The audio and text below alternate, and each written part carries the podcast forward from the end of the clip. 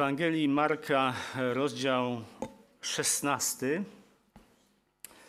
i w wersecie 15 zawarte jest wielkie posłannictwo, które także jest nam znane dobrze z Ewangelii Mateusza, rozdział 28, gdzie w wersecie 19 i 20 czytamy te słowa. Idźcie tedy i czyńcie uczniami wszystkie narody, szcząc je w imię Ojca i Syna i Ducha Świętego, ucząc je przestrzegać wszystkiego, co wam przykazałem.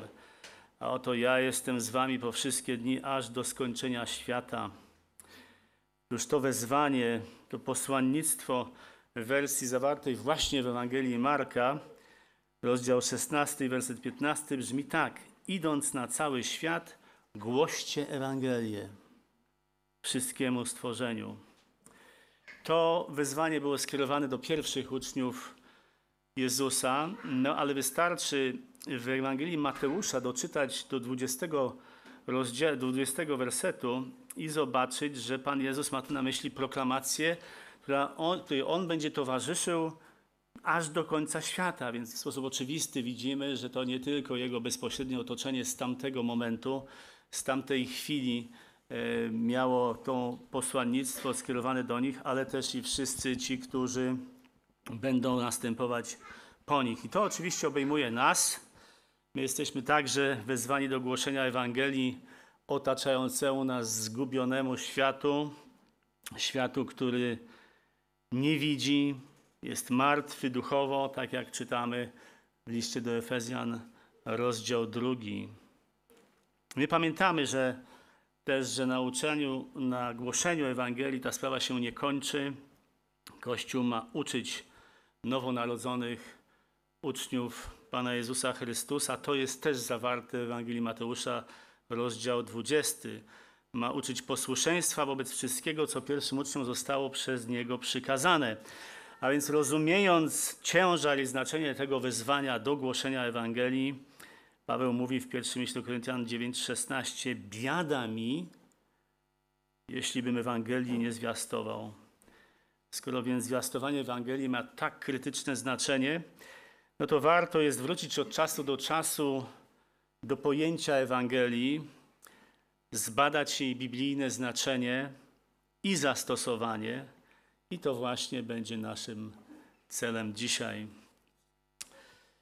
Ewangelia jest jednym z najważniejszych tematów Pisma Świętego i obejmuje, mimo swojej oczywiście prostoty, bo wiemy, że to nie jest skomplikowana, skomplikowana dobra wiadomość, to jest prosta dobra wiadomość, ale mimo tej prostoty obejmuje wielkie połacie objawienia i widzimy to klarownie, obserwując te miejsca, w których słowo Ewangelia jest użyte, a zwłaszcza te dodatkowe słowa, które określają, co to jest za Ewangelia. Więc na przykład e, mamy Ewangelię pokoju w Efezjan 6:15, mamy Ewangelię Bożą w Rzymian 1:1, mamy Ewangelię Chrystusa w Rzymian 1:16, mamy Ewangelię Syna Jego, Rzymian 1:9, Ewangelię łaski Bożej, dzieje apostolskie 20, Ewangelię o Królestwie w Mateuszu 24, Ewangelię o zbawienia w Efezjan 1,13 i Ewangelię o chwale Chrystusa. To drugi list do Koryntian 4.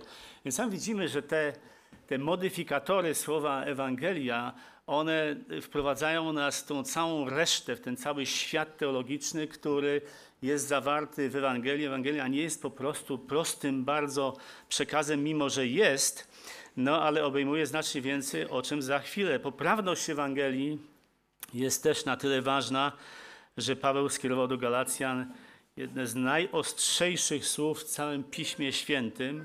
Cytuję Galacjan 1:8 ale choćbyśmy nawet my albo anioł z nieba zwiastował Ewangelię odmienną od tej, którą myśmy wam zwiastowali, niech będzie przeklęty. Czujemy ciężar tych słów, ich siłę, ich ostrze. Niech będzie przeklęty. Rzadko znajduje się na ustach chrześcijanina, zwłaszcza też i na ustach apostoła Pawła. Ale są takie miejsca, takie sytuacje, w których on nie cofa się przed takimi słowami, ponieważ tak wiele zależy od poprawności Ewangelii. Nic dziwnego, Nie dziwimy się apostołowi Pawłowi, zresztą robi to on pod natchnieniem Ducha Świętego, więc to nie jest po prostu Pawłowe, to jest Boże. Ewangelia jest kluczem do zbawienia człowieka.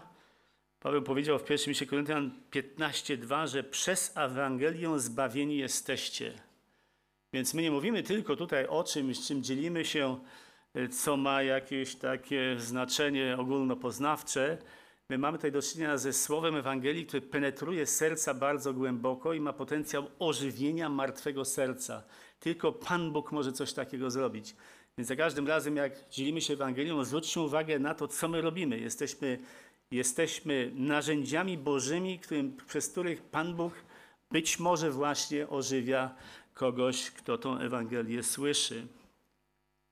Ewangelia, czyli dobra wiadomość, bo to jest właśnie to, co dosłownie to słowo znaczy.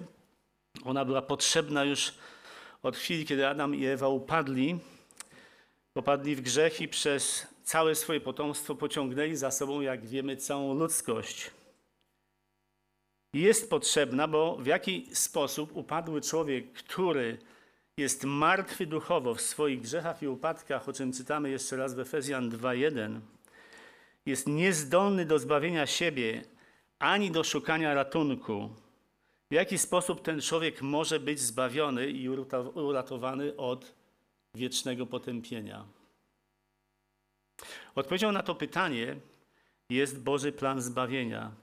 To jest ten plan, który powstał przed założeniem świata i który został zapowiedziany po raz pierwszy w momencie upadku człowieka. Pamiętamy to, co się stało w ogrodzie edeńskim, kiedy Adam i Ewa upadli, zostali skonfrontowani przez Pana. Zresztą szatan także w postaci węża, to jest Księga Rodzaju, rozdział 3, werset 15. I tam właśnie zostaje zapowiedziana walka między szatanem i jego dziećmi. Szatan i jego dzieci to są ci, których znajdziemy w, pierwszy, w Ewangelii Jana 8,44. Waszym ojcem jest szatan, mówi Pan Jezus o zgrozo do tych, którzy uwierzyli w Jego imię, więc tam widzimy też, jak to jest z tym wierzeniem.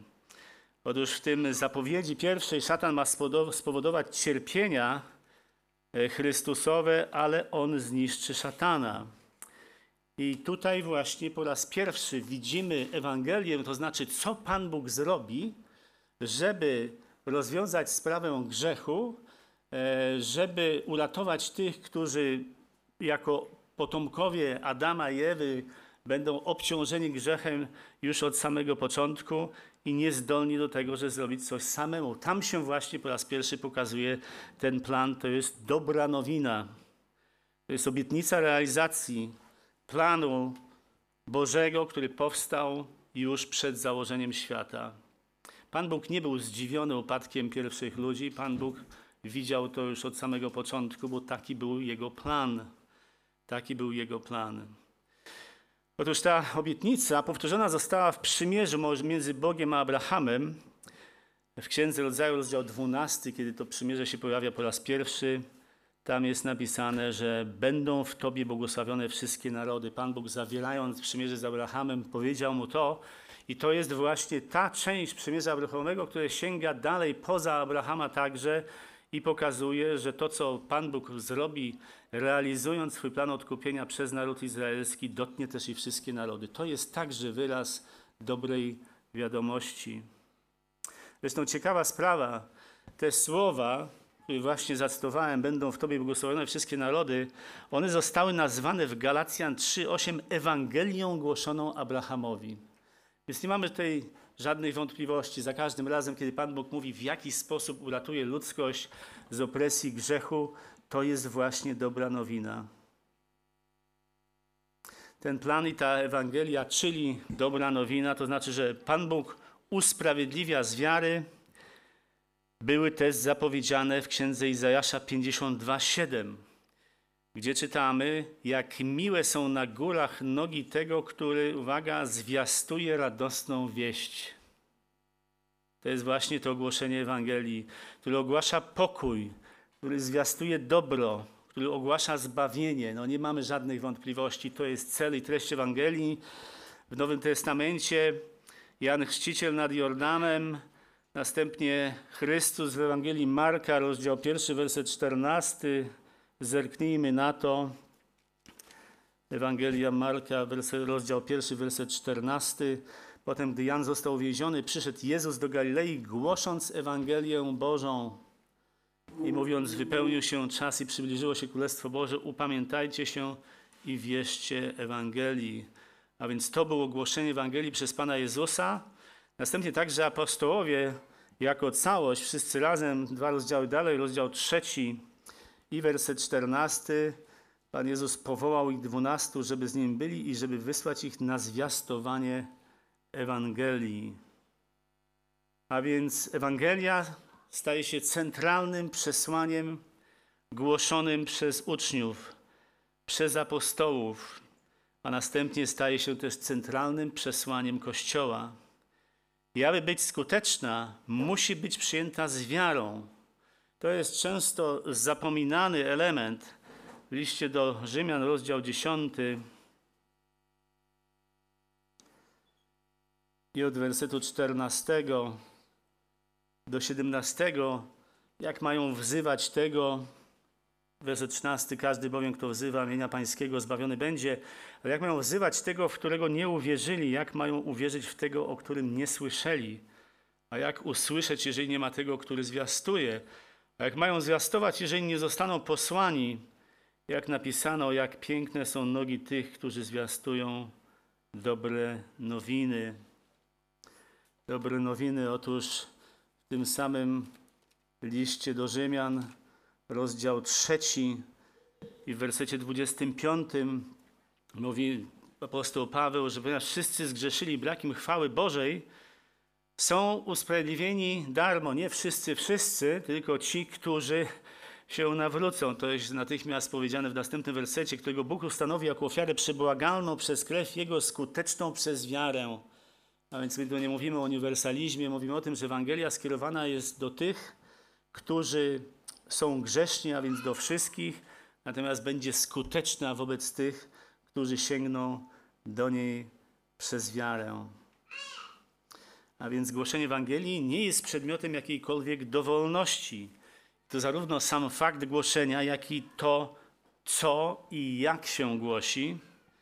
Pan Jezus to zawarł wszystko w wielkim posłannictwie, już widzieliśmy to, tam jest wiele tej treści, tam jest polecenie, aby pójść, a więc żeby, e, żeby nie trzymać Ewangelii dla siebie, ale szukać tych, których Pan Bóg właśnie może mieć w tym mieście, pójść, a także wskazania, aby głosić dokładnie to, co On przykazał. A więc Ewangelia w najprostszym rozumieniu jest przesłaniem dobrej nowiny, która jednak jest czymś więcej niż tylko e, charakterystycznym, kilkopunktowym e, narzędziem ewangelizacyjnym, jakich wiele widzieliśmy, te broszurki, cztery prawa życia duchowego, sześć kroków do pokoju z Bogiem, jedna droga do Boga i tak dalej, i tak dalej.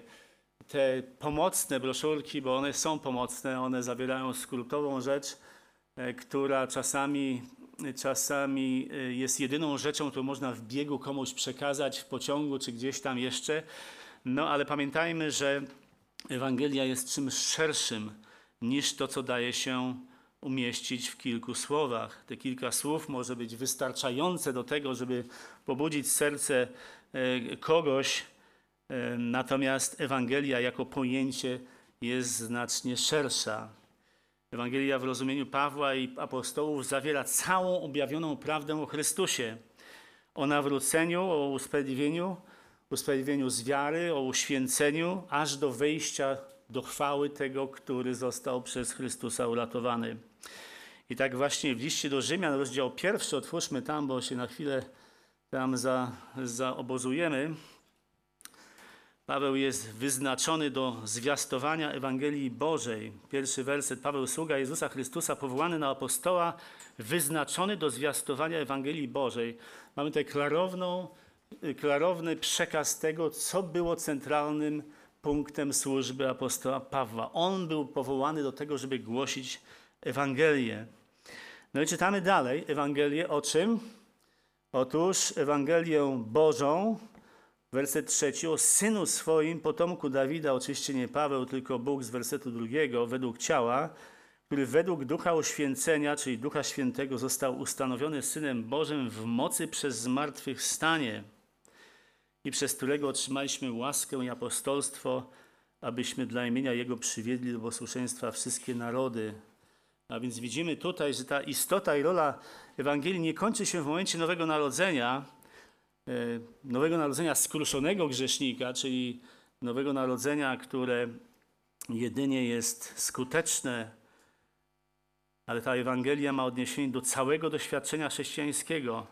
Zwiastowanie Ewangelii, o którym mowa tutaj w wersecie pierwszym, odnosi się nie tylko do wierzących, nie tylko do niewierzących, ale i do wierzących. To bardzo ciekawe. Do tej pory myśleliśmy, że Ewangelię się głosi ludziom niewierzących, no a tutaj w liście do Rzymian widzimy, że nie tylko, i to jest zrozumiałe, jeżeli weźmiemy pod uwagę ten cały szeroki kontekst Ewangelii, to co się z tym wszystkim łączy. My głosząc prostą Ewangelię mówimy kilka słów, ale każde z tych słów to jest prak praktycznie rzecz biorąc jeden dział teologii, w którym można mówić, mówić tygodniami. Otóż apostoł Paweł mówi w wersecie siódmym rozdziału pierwszego Rzymian, wszystkim, którzy jesteście w Rzymie umiłowanym, umiłowanym Boga, powołanym świętym, czyli to jest do nich. A dalej w wersecie piątym mówi, że gotów jest zwiastować Ewangelię wam w Rzymie, co obejmuje też z kolei Greków i barbarzyńców, mądrych i niemądrych, z wersetu 14. Więc ten pierwszy, y, y, pierwszy rozdział listu do Rzymian, do, do wersetu 15, ustala raz na zawsze, że Paweł był powołany do głoszenia Ewangelii, a odbiorcami jego Ewangelii byli zarówno ci, którzy byli niezbawieni, jak i ci, którzy byli zbawieni. Jedni dlatego, że potrzebowali się nawrócić, a drudzy, że potrzebowali rozumieć więcej. Otóż, jeżeli tak, ciekawe, że w wersecie dziewiątym, jak spojrzymy jeszcze raz, świadkiem bowiem jest mi Bóg, któremu służę w duchu moim przez zwiastowanie Ewangelii Syna Jego, że nieustannie o was pamiętam, ale zwróćmy uwagę na to jedno słowo służę. To słowo służę użyte w liście do Filipian 3:3 jest użyte w znaczeniu czcimy w tamtym liście. A więc mamy bardzo ciekawe słowo, które w źródłosłowie e, miesza dwa znaczenia i które daje nam sygnał, że głoszenie Ewangelii jest aktem oddawania czci Bogu.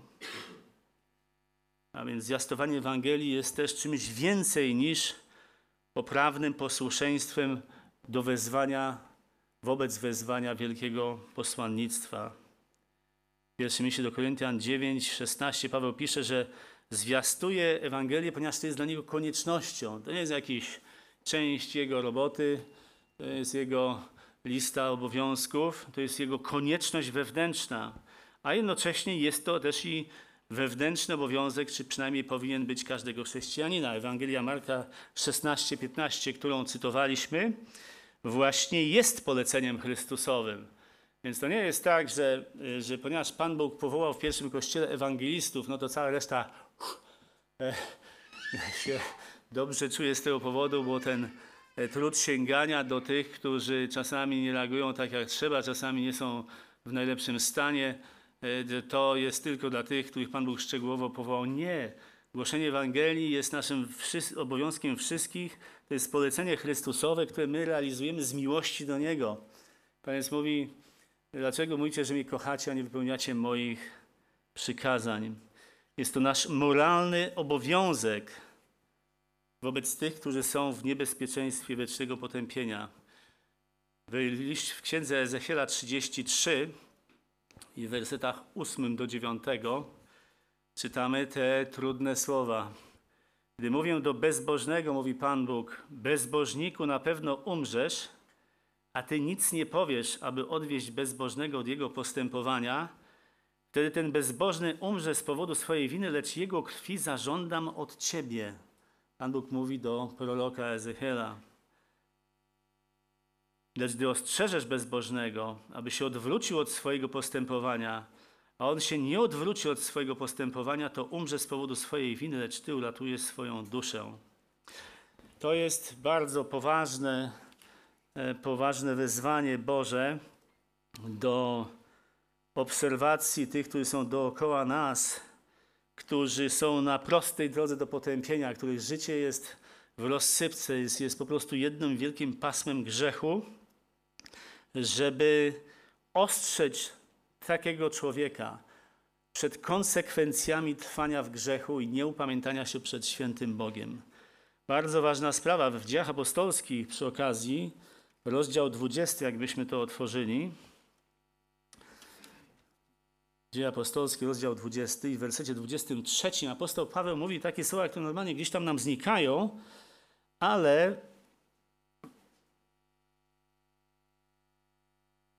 Dwudziesty szósty rozdział, przepraszam. Znaczy, 20 rozdział, 26 werset. Mówi w tej swojej słynnej przemowie w stosunku i wobec do y, starszych z Efezu, mówi coś takiego. Oświadczam przed wami w dniu dzisiejszym, że nie jestem winien niczyjej krwi. To właśnie jest nawiązanie do Ezechiela 33. Tam Pan Bóg powiedział, że jeżeli on umrze z powodu swojej winy, czy jego krwi zażądam od ciebie, ty będziesz współwinnym, ponieważ go nie ostrzegłeś, no to Paweł mówi tutaj, że, że nie, że nie jestem winien niczyjej krwi, ja nie uchylałem się od zwiastowania wam całej woli Bożej w wersecie 27. Bardzo ważne rzeczy, no ale z drugiej strony jest tak, że głoszenie Ewangelii może wiązać się z wysoką ceną do zapłacenia i my to e, wiemy, niektórzy z nas bardziej niż inni. Taką ceną na przykład może być ośmieszenie. W dziejach apostolskich, rozdział 2, werset 13, kiedy Duch Święty stąpił na, y, w dniu y, pięćdziesiątnicy, w dniu powstania Kościoła, e, ludzie zaczęli mówić językami, e, zdumieli się wszyscy, werset 12, i będąc z niepewności mówili jeden drugiego, co to może znaczyć, ale inni zaś drwili, mówiąc, młodym winem się pili. E, gdyby to nie było, gdyby to było za mało, to w rozdziale 17 w słynnej przemowie apostoła Pawła na Aeropagu widzimy reakcję ludzi w wersecie 32, gdy usłyszeli o zmartwychwstaniu, które było zwieńczeniem jego przemowy tam na Aeropagu, jedni naśmiewali się. Ludzie zaś mówili o tym, będziemy Cię słuchali innym razem, a więc ośmieszenie może być e, ceną głoszenia Ewangelii. E, my to rozumiemy. Ewangelia, mowa o krzyżu jest głupstwem dla tych, którzy giną, więc, więc ta reakcja wcale nie jest taka e, rzadka i nietypowa. Może być też wrogość. W Dziejach Apostolskich, rozdział czwarty i werset drugi i trzeci, mamy tutaj sytuację, że Jan i, Piotr, gdy mówili do ludu, przystąpili do nich kapłani i dowódca Straży Świątynnej oraz saduceusze, oburzeni, iż nauczają lud i zwiastują zmartwychwstanie w Jezusie. Ujęli ich więc i wtrącili do więzienia, aż do następnego dnia był już bowiem e, wieczór. E, ciekawa sprawa, że ta trudna sytuacja dla nich e, była jednak narzędziem Bożym do tego, żeby zbawić niektórych. Werset czwarty. Wielu zaś z tych, którzy słyszeli tę mowę, uwierzyło, a liczba mężów wzrosła do około pięciu tysięcy. A więc wrogość może być ceną do zapłacenia za Ewangelii, ale co to jest za cena, jeżeli w wyniku tego nawracają się ludzie? Może być też więzienie, to wiemy. Apostoł Paweł był więźniem Ewangelii w liście do Filipian, rozdział pierwszy, werset dwunasty. Chcę, bracia, abyście wiedzieli, że to, co mnie spotkało, posłużyło raczej ku rozkrzewieniu Ewangelii, to, co mnie spotkało, czyli uwięzienie. E, może być nawet śmierć. E, w Dzieje Apostolskie 7,60 mamy Szczepana, który głosząc Ewangelię swoim pobratymcom został ukamienowany. Dzieje Apostolskie 12,2 Mamy tutaj Jakuba, brata Janowego, który stracił życie, ponieważ król Herod mm, zaczął gnębić niektórych członków kościoła. E, mamy też apostoła Pawła, który w drugim liście do Tymoteusza, rozdział czwarty i werset szósty mówi: Już niebawem będę złożony w ofierze, a czas rozstania mego z życiem nadszedł. A więc ośmieszenie, wrogość, więzienie albo śmierć może być ceną Ewangelii, ale głoszenia Ewangelii, ale co to za cena? Co to za cena, jeżeli Ewangelia jest, jest przekazem o miłości Bożej, o błogosławieństwie, o przebaczeniu grzechów i ostatecznie o o przeznaczeniu niebiańskim tego, który się nawraca, no to ta cena nie jest zbyt wysoka. Krzyż jest nieatrakcyjny, jest odpychający, jest irytujący z punktu widzenia niewierzących, z punktu widzenia świata, bo ponieważ on odsłania grzech, on potępia pychę, oskarża niewiarę, ukazuje sprawiedliwość człowieka jako kompletnie bezwartościową, a jego samego jako upadłego grzesznika, który jest oszukiwany przez własne serce i nawet tego nie wie. Ewangelia z punktu widzenia upadłego człowieka, czyli nienarodzonego na nowo, nie jest dobrą nowiną. I to jest właśnie dlaczego reakcje ludzi są w większości negatywne. Z jego punktu widzenia oczywiście, ona oczywiście jest dobrą nowiną, to już ustaliliśmy. Ale właśnie z tego powodu, z powodu tej wysokiej ceny, która może być do zapłacenia, Ewangelii można się wstydzić. Jak na przykład Piotr się wstydził przyznać do Jezusa po jego zatrzymaniu e, i ten wstyd następnie został pokonany, kiedy Duch Święty stąpił na, na Kościół, rozpoczynając go. Apostoł Paweł mówi: Ja nie wstydzę się Ewangelii. Nie wstydzę się Ewangelii. On jest też tym, który był gotów ponieść te wszystkie ciężkie doświadczenia po to, żeby chociaż niektórych zbawić. Pan Jezus w Mateuszu 10:33 powiedział też i ważne słowa: Kto się mnie zaprze, ja się go zaprę przed Ojcem. A więc tutaj nie ma się czego bać. E, Pan Jezus wzywa nas do tego, abyśmy e, szli, abyśmy głosili. On jest z nami aż do zakończenia świata. E, nie ma powodu, abyśmy się obawiali tego, co może przyjść. Ewangelia jest mocą Bożą ku zbawieniu. Człowiek nie jest w stanie pokonać własnego grzechu, ponieważ ona jest częścią jego natury. Księdze Jeremiasza 13 jest napisane, że pantera nie może pozbyć się swoich pręgów i to jest użyte po to, żeby zilustrować, że człowiek też nie może zmienić swojej natury, tej natury, w której on przywykł do złego.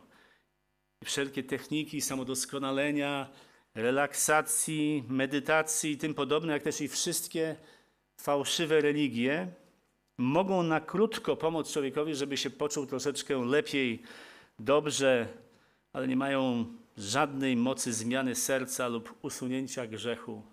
Ale tę moc ma Ewangelia. Ewangelia, która jest Słowem Bożym.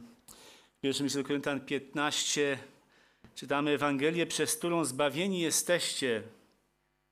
Jakub 1,21 Przyjmijcie wszczepione w was słowo, które może zbawić dusze wasze.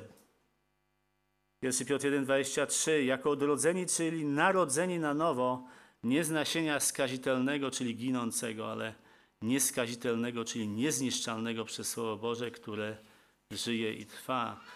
Pierwszy list Koryntian 1,18 mowa o krzyżu jest mocą Bożą. Pierwszy list do Koryntian 23 zwiastujemy Chrystusa ukrzyżowanego, który jest mocą Bożą i mądrością Bożą. Zresztą to, co zwiastujemy, jeszcze raz, nie jest, nie jest absolutnie obojętne. W drugim liście do Koryntian, rozdział 4, werset 5 jest napisane, albowiem nie samych siebie głosimy, lecz Chrystusa Jezusa, że jest Panem. O sobie zaś żeśmy sługami waszymi dla Jezusa. Proklamacja Ewangelii, proklamacja Słowa Bożego nie jest proklamacją głoszącego. To jest proklamacja Jezusa Chrystusa, że jest Panem abyśmy mogli uczyć się przestrzegać tego, do czego On nauczał pierwszych uczniów, a więc posłuszeństwa. Ewangelia, jak już mówiliśmy, nie jest dobrą nowiną dla wszystkich. Gniew Boży, Rzymian 1,18, objawia się przeciwko wszelkiej bezbożności i prawości ludzi, którzy w nieprawości tłumią prawdę. Ale ciekawostka, jak zawsze, i czytamy to w Piśmie Świętym od początku aż do końca, aż do momentu, kiedy e, w Księdze Objawienia jest anioł, który proklamuje Ewangelię pośród tych wielkich katastrof, kataklizmów i osądu. Boży gniew idzie ręka w rękę z Bożą miłością. Zobaczmy, co jest napisane w Psalmie 45 i w wersecie 8. Psalm 45, 8. Miłujesz sprawiedliwość, a nienawidzisz bezprawia. Pozornie werset, na, który byśmy, na którym byśmy się nie zatrzymali długo, ale on jednak wyraża bardzo charakterystyczną rzecz. Pan Bóg jest wszystkim, kim jest jednocześnie. A więc jednocześnie miłuje sprawiedliwość i jednocześnie nienawidzi bezprawia. Pan Bóg nie jest tylko jednym, a nie drugim, i nie tylko drugim, a nie tym jednym. To jest, są części nieodłączne Jego natury, to jest Jego charakter, to są Jego atrybuty. No, gdyby tak nie było, to krzyż straciłby sens. Pan mógłby po prostu mógł zbawić wszystkich bez krzyża. Albo mógłby potępić wszystkich bez krzyża. A jednak jest i jedno, i drugie. I to Boży gniew i Boża miłość schodzą się przepięknie i majestatycznie w krzyżu Chrystusowym. Otóż tylko wtedy, kiedy Ewangelia rozbije ufność grzesznika we własne możliwości i wygeneruje strach przed jego świętością, wtedy może być doceniona jako dobra nowina. I wyraz jego zbawczej miłości, ta Ewangelia, kiedy jest nadzieją na uratowanie, i człowiek sobie zdaje sprawę, że jako grzesznik staje przed Bogiem i jest oskarżony, jest potępiony, wtedy Ewangelia daje mu radość świadomości tej, że ktoś za niego umarł, że ktoś już za niego karę poniósł. I teraz tylko musi do tego ktośa, oczywiście Pana Jezusa Chrystusa, przyjść.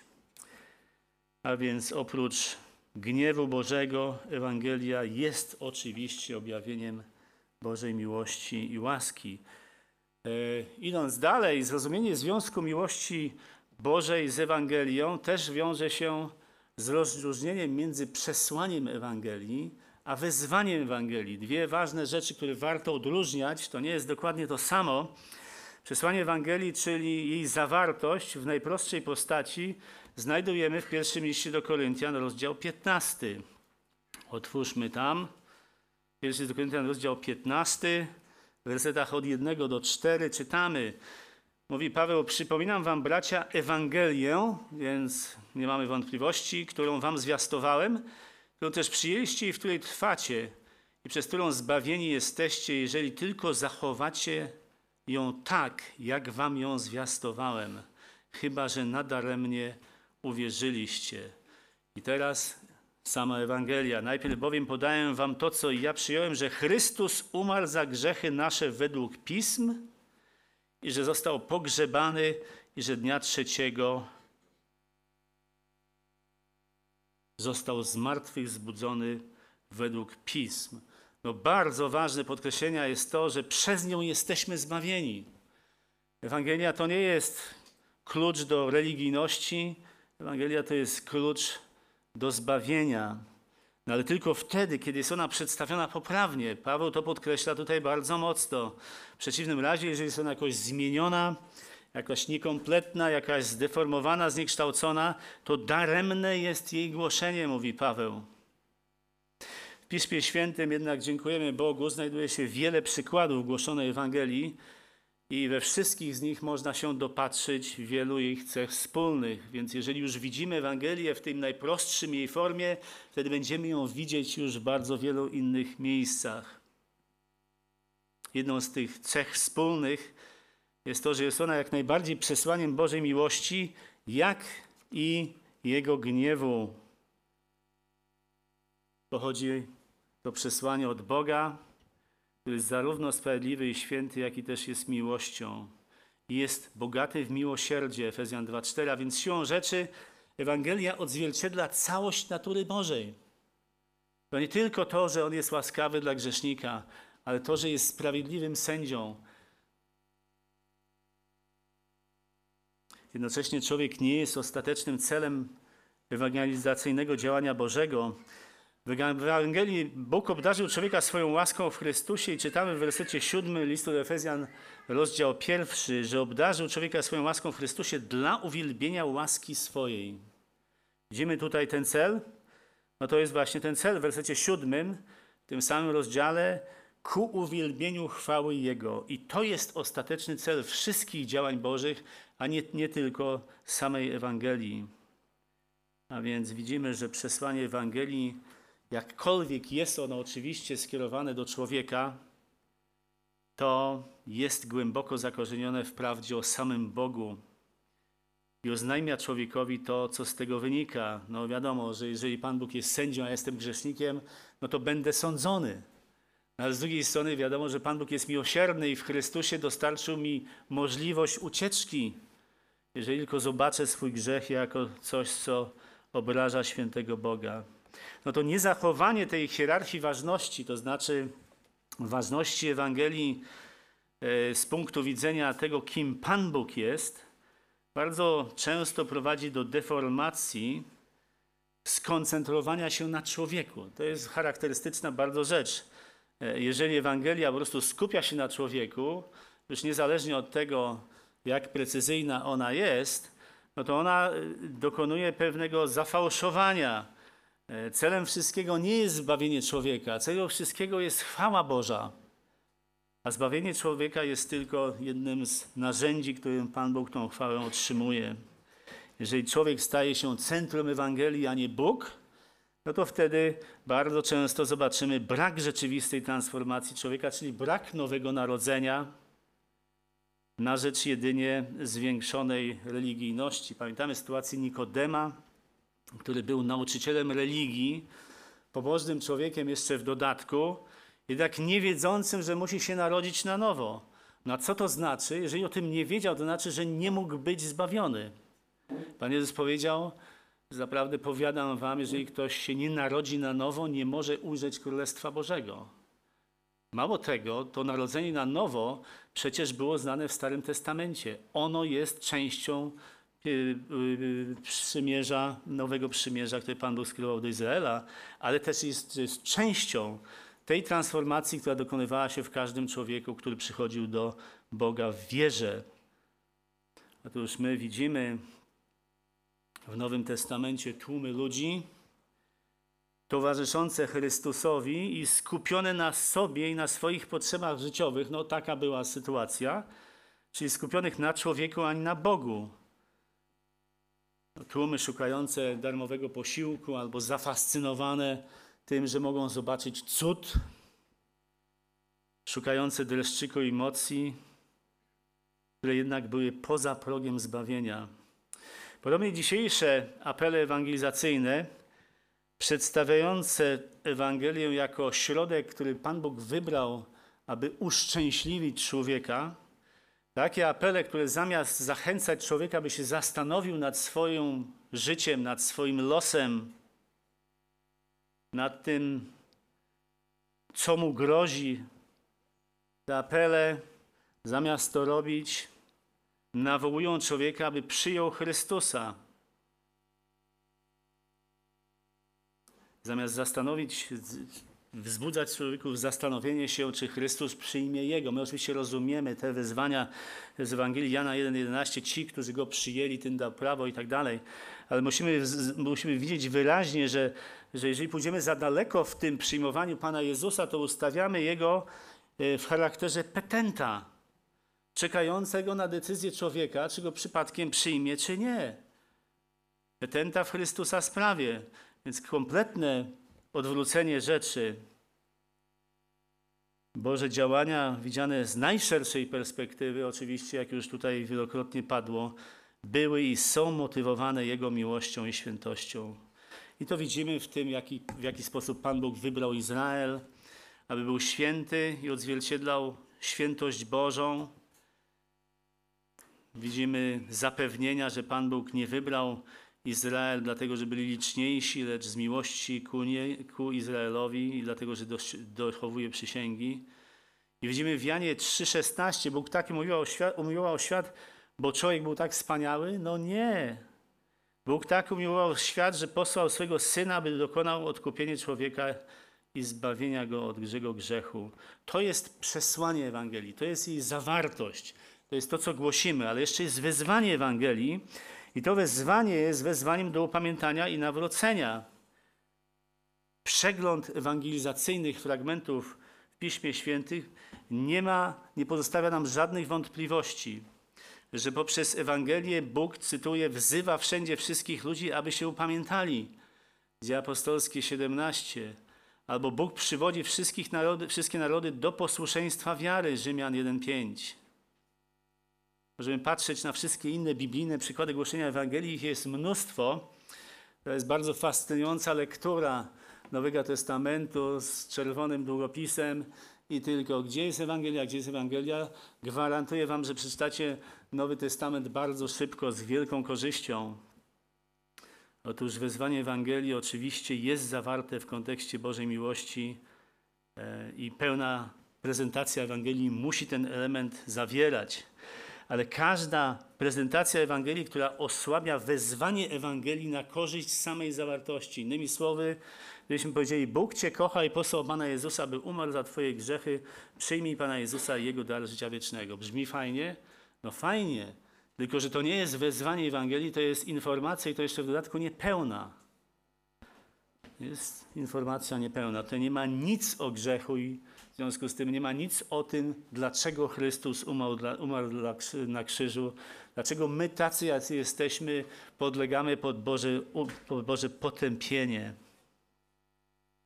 Takie wyzwanie Ewangelii, w której treść, jeżeli nawet jest poprawna, ale nie wiąże się z wezwaniem Ewangelii, bardzo niebezpiecznie się może zbliżyć do tej innej Ewangelii wspominanej przez Pawła w liście do Galacjan. Pełne i wierne wezwanie Ewangelii wzywa człowieka, żeby zareagował całą swoją osobą.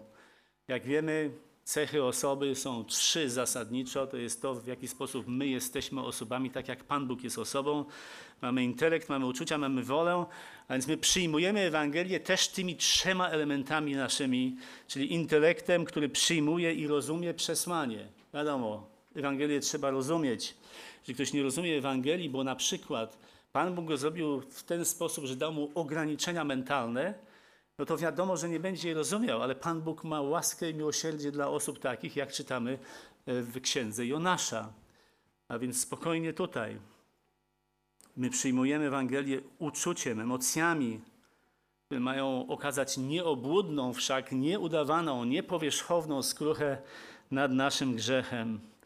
I przyjmujemy też wolą, która jest motorem upamiętania i nawrócenia, czyli czynnego odwrócenia się od grzechu. To jest nawrócenie. Szedłem tam, zawracam, nawracam i idę teraz tu. Tutaj siedziałem w grzechu po uszy, teraz nawracam i wychodzę z tego z Bożą pomocą. A więc wyzwanie Ewangelii to jest wezwanie do wiary wzmocnionej elementem woli. Takie wyzwanie które jest wezwaniem do wiary rozumianym jedynie w kategoriach intelektu i emocji, a pomijający element woli, posłuszeństwa, to jest de facto wezwanie do przyjęcia Chrystusa jako Zbawiciela, ale nie poddania się Chrystusowi jako Panu. A przecież czytamy wszędzie w Nowym Testamencie, jeżeli ustami wyznasz, że Chrystus jest Panem, a w sercu uwierzysz, że Bóg skrzesił Go z martwych, zbawiony będziesz nie, nie stanie przed Chrystusem jako przed Panem, nie daje możliwości zbawienia. Czytamy, to było Rzymian 10:9. Panem i Chrystusem uczynił go Bóg, a więc upamiętajcie się, dzieje apostolskie, rozdział drugi. To jest przesłanie Piotra wobec Żydów, którzy ukrzyżowali Chrystusa rękami bezbożnych Rzymian. Mamy dzieje apostolskie 10:36. On jest Panem wszystkich. A także Łukaszu 2, bożonarodzeniowy motyw narodził się nam Zbawiciel, którym jest Chrystus, Pan.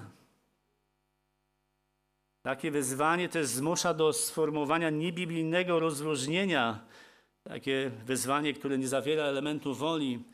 Takiego nie, nierozróżnienia między zbawieniem a uczniostwem, albo, co można też zauważyć, między cielesnym i duchowym chrześcijaństwem. E, to tworzy kategorię lepszych i gorszych chrześcijan jedynie wierzących oraz prawdziwie wierzących, prawdziwych uczniów. Tymczasem każdy chrześcijanin jest i powinien być uczniem. Celem ewangelizacji, jak już czytaliśmy, jest czynienie cudów. Czyńcie uczniami, czy czynienie uczniów, przepraszam, czyńcie uczniami, ja bym tego nigdy nie powiedział. Czyńcie uczniami wszystkie narody, chrzcząc je w imię Ojca, Syna i Ducha Świętego, ucząc je przestrzegać wszystkiego, co wam przykazałem. W sąsiedztwie tego mamy werset, który mówi, Pan Jezus mówi, dana mi jest wszelka moc na niebie i na ziemi, która jednoznacznie określa Chrystusa jako Pana wszystkiego. Słowo uczeń jest konsekwentnie używane w dziejach apostolskich jako synonim wierzącego. Uczeń to jest wierzący. Wierzący to jest uczeń. Wezwania do uczniostwa są wezwaniami do zbawienia. Gdybyśmy na chwilę tylko otworzyli Ewangelię Łukasza, rozdział 14, to zobaczymy tutaj od wersetu 26 mówi Pan Jezus, jeśli ktoś przychodzi do mnie, a nie ma w nienawiści ojca swego i matki, żony i dzieci, braci sióstr, a nawet jego życia swego, nie może być uczciem moim. Wow! To znaczy, że co? Chrześcijanin powinien nienawidzić ojca swego, matkę, żonę dzieci, braci i siostry i nawet własnego życia.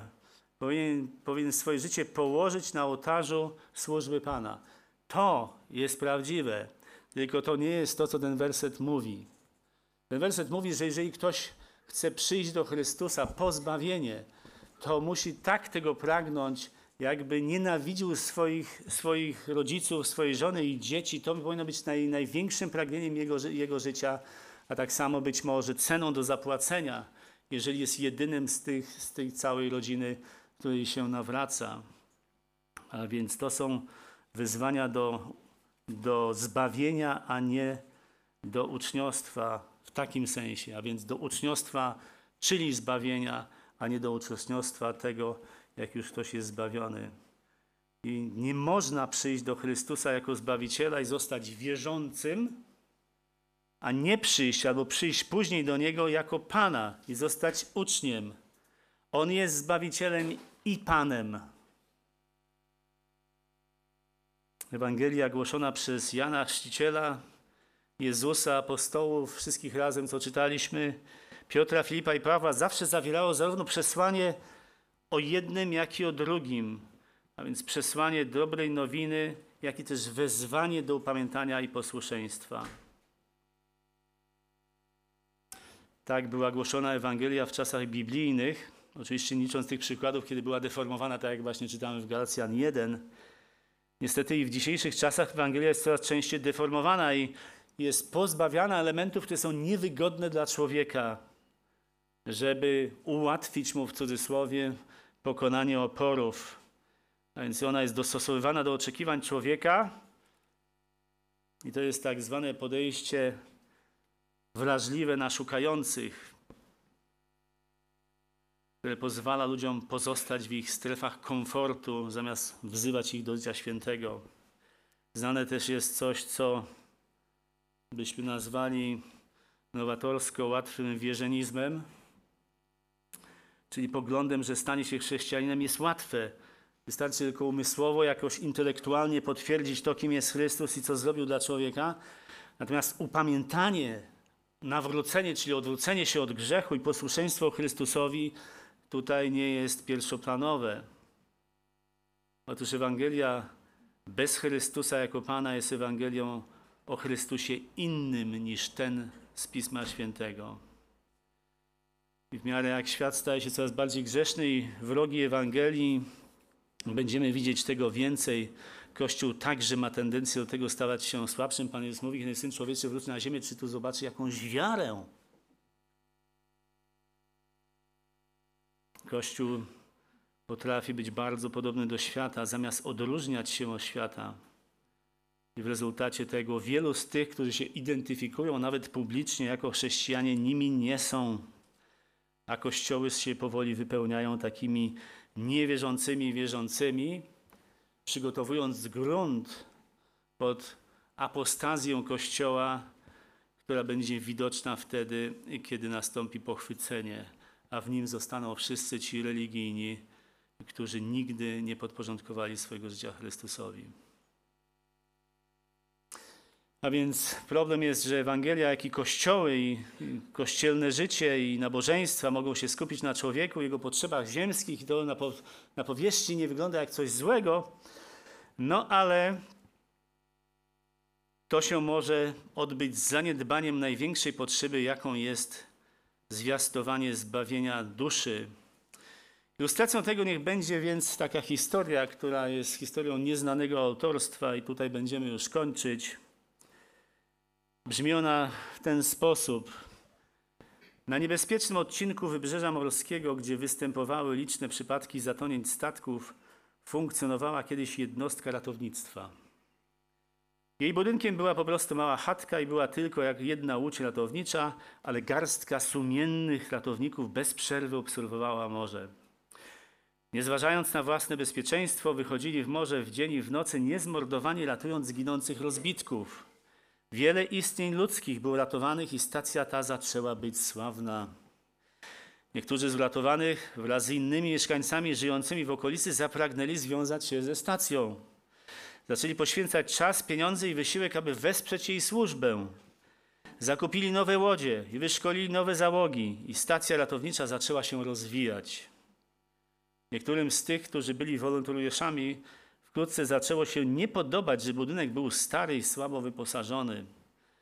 Uważali, że wygodniejszy budynek byłby bardziej odpowiedni jako pierwsze schronienie dla tych, którzy zostali właśnie uratowani z rozbitych statków. Dlatego wymienili składane prycze i przenośne ratownicze łóżka na lepsze meble w nowym i obszerniejszym budynku. W rezultacie tego stacja ratownicza stała się miejscem częstych spotkań wolontariuszy. Urządzili wnętrze budynku wygodniej zaczęli używać go jako pomieszczenie klubowe, a nawet zaczęli pobierać opłaty członkowskie w tak zorganizowanym klubie. Ponieważ teraz mniej członków klubu było zainteresowanych wychodzeniem w morze na akcje ratownicze, zatrudnili załogi ratownicze do pełnienia służby.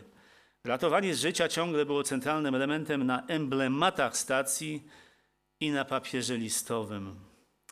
Mniej więcej w tym czasie duży statek rozbił się u wybrzeża i zatrudnione załogi ratownicze wyłowiły i sprowadziły do stacji tłum zmarzniętych, mokrych i na pół żywych rozbitków. Ponieważ uratowani by ludzie byli brudni i chorzy, w jednej chwili zanieczyścili piękny nowy klub. W związku z tym zarząd klubu natychmiast wybudował budynek łaźni na zewnątrz, gdzie rozbitkowie mogli się umyć, zanim weszli do środku budynków stacji, czyli klubu. Na następnym zebraniu zarządu nastąpił rozłam wśród członków klubu. Większość członków chciała zaprzestać działań związanych z ratownictwem, ponieważ uważali je za nieprzyjemne zakłócenie normalnego życia towarzyskiego klubu. Inni członkowie nalegali na kontynuowanie ratownictwa jako podstawowego celu działania, wskazując na to, że klub był wreszcie stacją ratownictwa morskiego. Ci jednak zostali przegłosowani i powiedziano im, że jeżeli chcą kontynuować działania ratownicze, to mogą otworzyć ich własną stację ratownictwa na innym odcinku wybrzeża, co też zrobili. Wraz z upływem lat nowa stacja stopniowo napotykała te same problemy, co i poprzednia. Ona też stopniowo zmieniała się w klub, w którym funkcja ratownicza stawała się coraz mniej priorytetowa. Kilku wiernych członków klubu oddanych misji ratowania życia założyła kolejną stację. Historia powtarzała się jeszcze wielokrotnie i kto odwiedza dziś to wybrzeże, znajduje tam cały szereg ekskluzywnych klubów rozlokowanych wzdłuż linii brzegowej. Wypadki na morzu są ciągle jeszcze częste, ale większość rozbitków tonie. To bardzo uderzająca historia, a tak naprawdę ilustracja historii Kościoła, bo ratowanie ginących ludzi, którzy tonący w morzu, jest obrazem oczywiście ludzi, którzy toną w morzu grzechu. I Kościół ma za zadanie ratować ich, i do tego zadania powołał go Bóg. Jednak niewinnie wyglądająca zmiana, która polega na stopniowym przesuwaniu centrum uwagi z Boga i Jego woli zawartej w Słowie na człowieka i jego potrzeby, powoduje tak naprawdę osłabienie misyjnej funkcji Kościoła i jego celu. A tym celem oczywiście jest przynoszenie chwały Bogu i to przemieszczenie, to przesunięcie przechodzi na rzecz funkcji wspólnotowej i przynoszenia zadowolenia człowiekowi. A jednak Ewangelia według Jezusa i apostołów zaczyna się właśnie od tego, kim jest Bóg. Nie człowiek. Kim jest Bóg święty i nietolerujący grzechu, a jednocześnie miłosierny i łaskawy i wynikającej z tego zarówno konieczności, jak i możliwości zbawienia. Ewangelia też kończy się również na Bogu. Kiedy plan odkupienia, której Ewangelia, którego Ewangelia jest wyrazem, zostanie zrealizowany, to będzie też koniec ewangelizacji. Pierwszy Koryntian 15:28 mówi, gdy mu wszystko zostanie poddane, i tutaj mówimy już o, o końcu wszechczasów, wtedy też i sam Syn będzie poddany temu, który mu poddał wszystko, aby Bóg był wszystkim we wszystkim. Otóż dobra nowina o zbawieniu musi być poprzedzona złą nowiną o potępieniu i o świętości Bożej.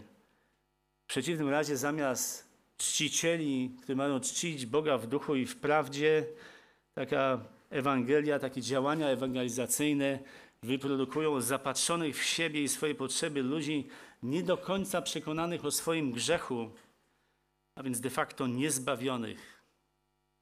A nie można uratować nikogo, kto nie uważa, że potrzebuje ratunku. To mówi Pan Jezus w Ewangelii Marka 2,17, a więc niech Pan nam pomoże, abyśmy byli wiernymi głosicielami jedynej prawdziwej Ewangelii, którą miał.